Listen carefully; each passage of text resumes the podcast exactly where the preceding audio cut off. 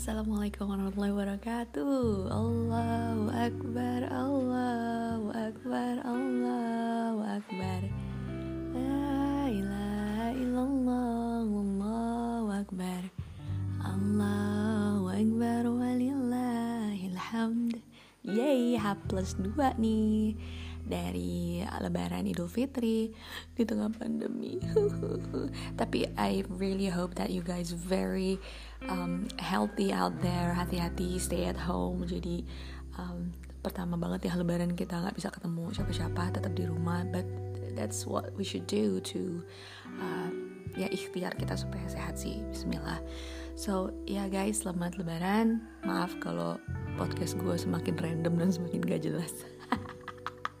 Dan well, ngomongin soal random, uh, selamat datang di podcast jarang update dan gue akan memulai kerandoman baru. Gue akan mulai bikin audiobook. Yes baby, gue akan bacain buku. Nah di sini gue akan special Harry Potter, baca Harry Potter. Tadinya gue mau yang Cursed Child, tapi somehow gue belum ketemu bukunya. Jadi gue akan bacain yang Deadly Hallows aja. I hope you guys enjoy it. Semoga bisa jadi pengantar tidur. Hmm? I don't know. Oke, okay, yuk mulai yuk.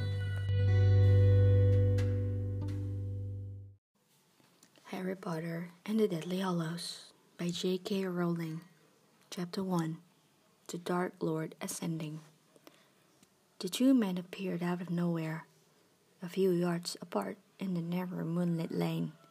For a second, they stood quite still, wands directed at each other's chest.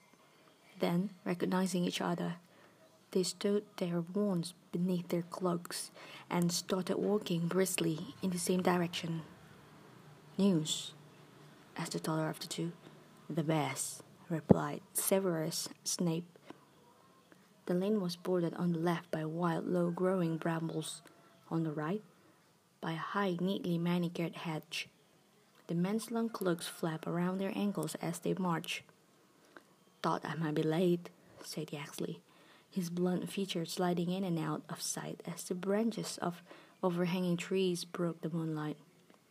It was a little trickier than I expected, but I hope he'll be satisfied. You sound confident that your reception will be good? Snape nodded, but did not elaborate. They turned right into a wide driveway that led, that led off the lane. The high hedge curved with them, running off into the distance beyond the pair of impressive wrought iron gates barring the man's way. Neither of them broke step in silence, both raised their left arms in a kind of salute and passed straight through as though the dark metal were smoke. The yew hedges muffled the sound of the man's footsteps. There was a rustle somewhere to the right. Yaxley drew his wand again, pointing it over his companion's head, but the source of the noise proved to be nothing more than a pure white peacock strutting majestically along the top of the hedge. He always did himself well, Lucius. Peacocks. Yaxley thrust his warm back under his cloak with a snort. A handsome manor house grew out of the darkness at the end of the straight drive, lights glinting in the diamond pane downstairs windows. Somewhere in the dark garden beyond the hedge, a fountain was playing. Gravel crackled beneath their feet as Snape and Yaxley sped towards the front door which swung inwards at their approach, though nobody had visibly opened it. The hallway was large, dimly lit, and sum- sumptuously decorated, with a magnificent carpet covering most of the stone floor. The eyes of the pale faced portraits on the walls followed Snape and Yaxley as they strode past. The two men halted at a heavy wooden door leading into the next room hesitated for the space of a heartbeat. Then Snape turned the bronze handle. The drawing room was full of silent people, sitting at a long and ornate table.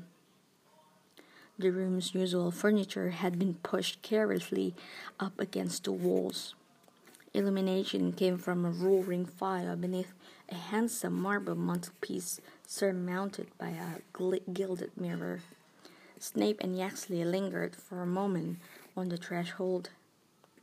As their eyes grew accustomed to the lack of light, they were drawn upwards to the strangest feature of the scene an apparently unconscious human figure hanging upside down over the table, revolving slowly as if suspended by an invisible rope, and reflected in the mirror and in the hair and in the bare polished surface of the table below. None of the people seated underneath this singular sight was looking at it except for a pale young man sitting almost directly below it. He seemed unable to prevent himself from glancing upwards every minute or so. Yaxley, Snape, said a high, clear voice from the head of the table. You are very nearly late. The speaker was seated directly in front of the fireplace, so that it was difficult at first for the new arrivals to make out more than his silhouette. As they drew nearer, however, his face shone through the gloom, hairless, snake like, with slits for nostrils and gleaming red eyes whose, whose pupils were vertical. He was so pale that he seemed to emit a pearly glow. Severus here, said Voldemort, indicating the seated on his immediate right, Yaxley beside Dolohov.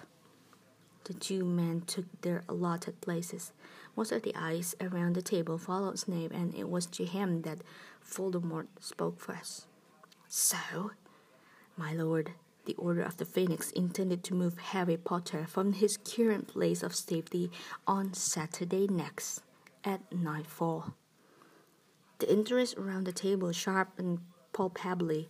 Some stiffened, stiffed, other fidgeted, all gazing at Snape and Voldemort.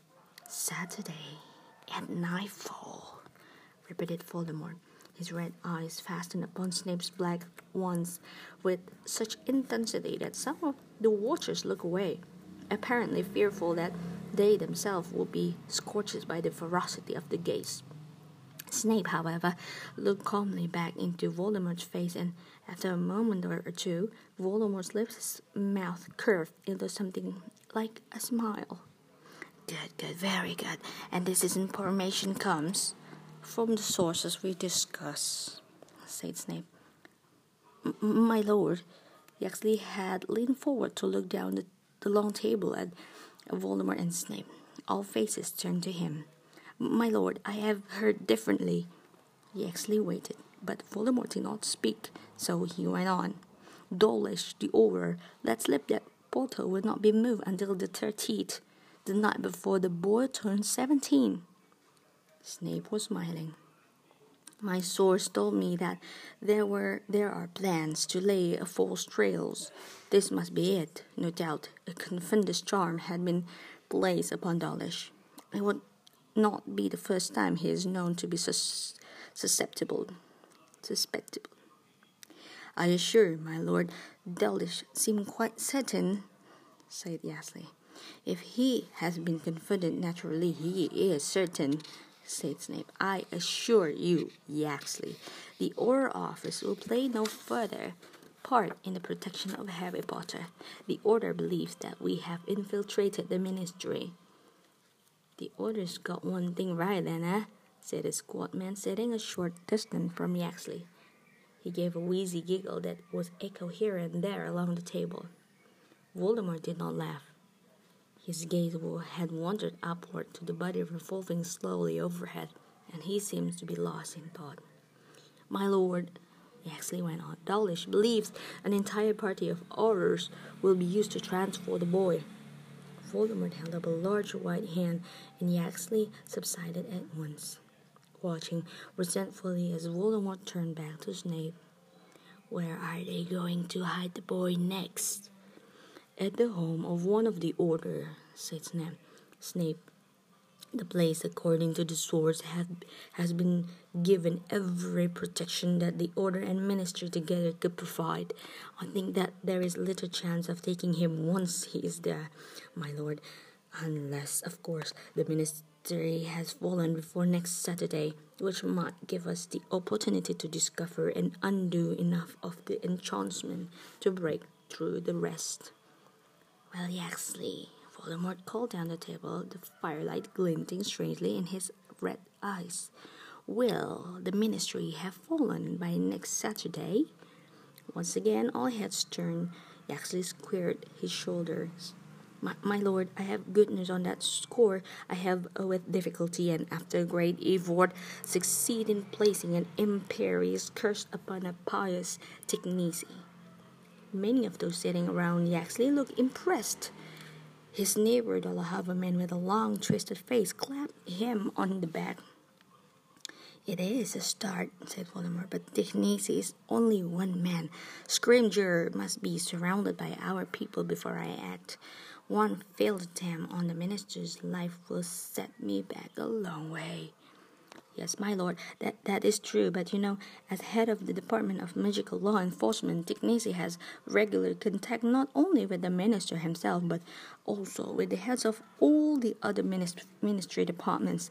It will, I think, be easy now that we have such a high-ranking official under our control to subjugate to subjugate the others, and then they can all work together to bring Scrimgeour down. As long as our friend Tignizi is not discovered before he has converted at rest. Converted to rest, said Voldemort. At any rate, it remains unlikely that the ministry will be mine before next Saturday. If we cannot touch the boy at his destination, then it must be done while he travels. We are at an advantage there, my lord, said Yaxley, who seemed determined to receive some portion of approval. We now have several people planted within the Department of Magical Transport. If Potter, if Potter appears or uses the Floo network, we shall know immediately. He will not do. He will not do either," said Snape. "The Order is eschewing any form of transport that is controlled or regulated by the Ministry. They mistrust everything to do with the place. All the better. You'll have to move in the open, easier to take by far," said Voldemort. Again, Voldemort looked at the slowly revolving body as he went on. I shall attend to the boy in person. There have been too many mistakes where Harry Potter is concerned. Some of them have been my own. That Potter lives is, is due more to my errors than to his triumphs. The company round the table watched Voldemort apprehensively. Each of them, by his or her expression, afraid that they might be blamed for Harry Potter's continued existence. Voldemort, however, seemed to be speaking more to himself than to any of them, still addressing the unconscious body above him. I have been careless, and so have been thwarted by luck and chance, those wreckers of all but the best laid plans. But I know better now. I understand those things that I did not understand before. I must the one who killed Harry Potter.